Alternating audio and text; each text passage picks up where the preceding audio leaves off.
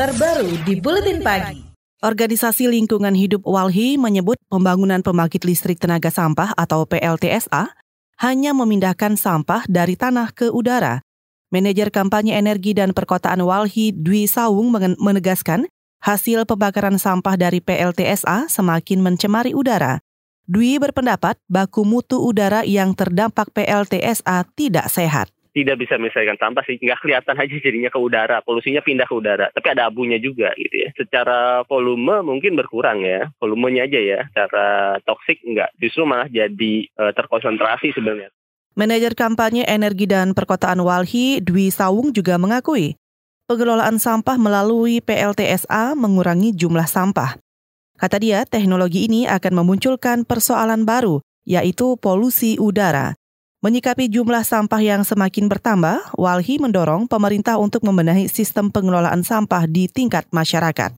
Presiden Joko Widodo mengeluhkan rencana pembangunan proyek pembangkit listrik tenaga sampah atau PLTSA yang tidak ada kemajuan.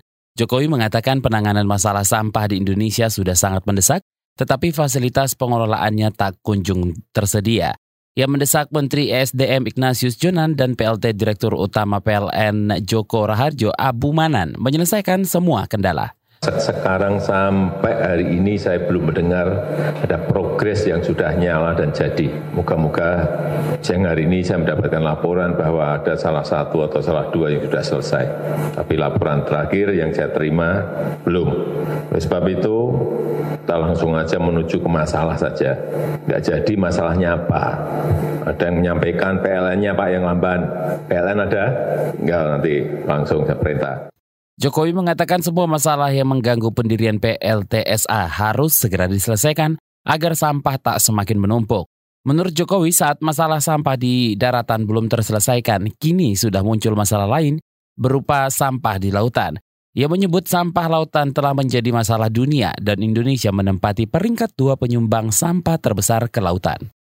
Kementerian Lingkungan Hidup dan Kehutanan atau KLHK mengklaim pembangkit listrik tenaga sampah atau PLTSA berdampak baik untuk lingkungan.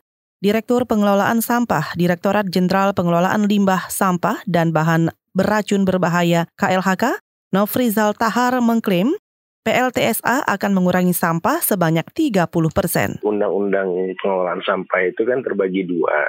Ada pengurangan sampah, ada penanganan sampah. Di dalam penanganan sampah itu ada satu terminologi yang disebut dengan pengolahan sampah. Ini adalah bagian dari pengolahan sampah ini, bukan pembakaran kan ada teknologinya. Yang dimaksud pembakaran itu kan pembakaran terbuka. Ini kan ada teknologinya, thermal teknologinya. Ya maksudnya itu bukan, jadi nggak bertentangan dengan undang-undang, justru bagian dari undang-undang justru mah pengolahan sampah. Itu tadi Direktur Pengelolaan Sampah Direktorat Jenderal Pengelolaan Limbah, Sampah dan Bahan Beracun Berbahaya KLHK, Nofrizal Tahar. Pemerintah menargetkan 12 proyek PLTSA direncanakan mulai beroperasi tahun 2019-2022, pembangkit mampu menghasilkan listrik setidaknya 234 megawatt dari sekitar 16.000 ton sampah per hari. Asosiasi Peduli Sampah Indonesia INSWA menyebutkan pembangkit listrik tenaga sampah tidak akan maksimal menghasilkan energi listrik.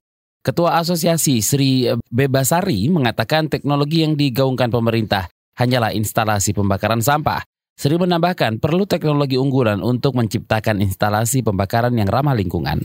Misalnya cerobongnya itu tuh 100 meter lebih. Jadi kalau yang namanya incineration plant itu tidak boleh lagi mencemari lingkungan. Kalau dia masih mencemari berarti bukan incinerator, tetapi dia ngaku-ngaku incinerator. Ketua Asosiasi Peduli Sampah Indonesia Sri Bebasari menambahkan permasalahan sampah di Indonesia sudah berada di level darurat.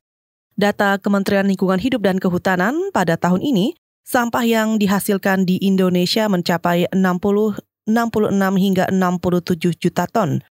KLHK mencatat jenis sampah yang dihasilkan didominasi oleh sampah organik yang mencapai sekitar 60 persen dan sampah plastik mencapai 15 persen.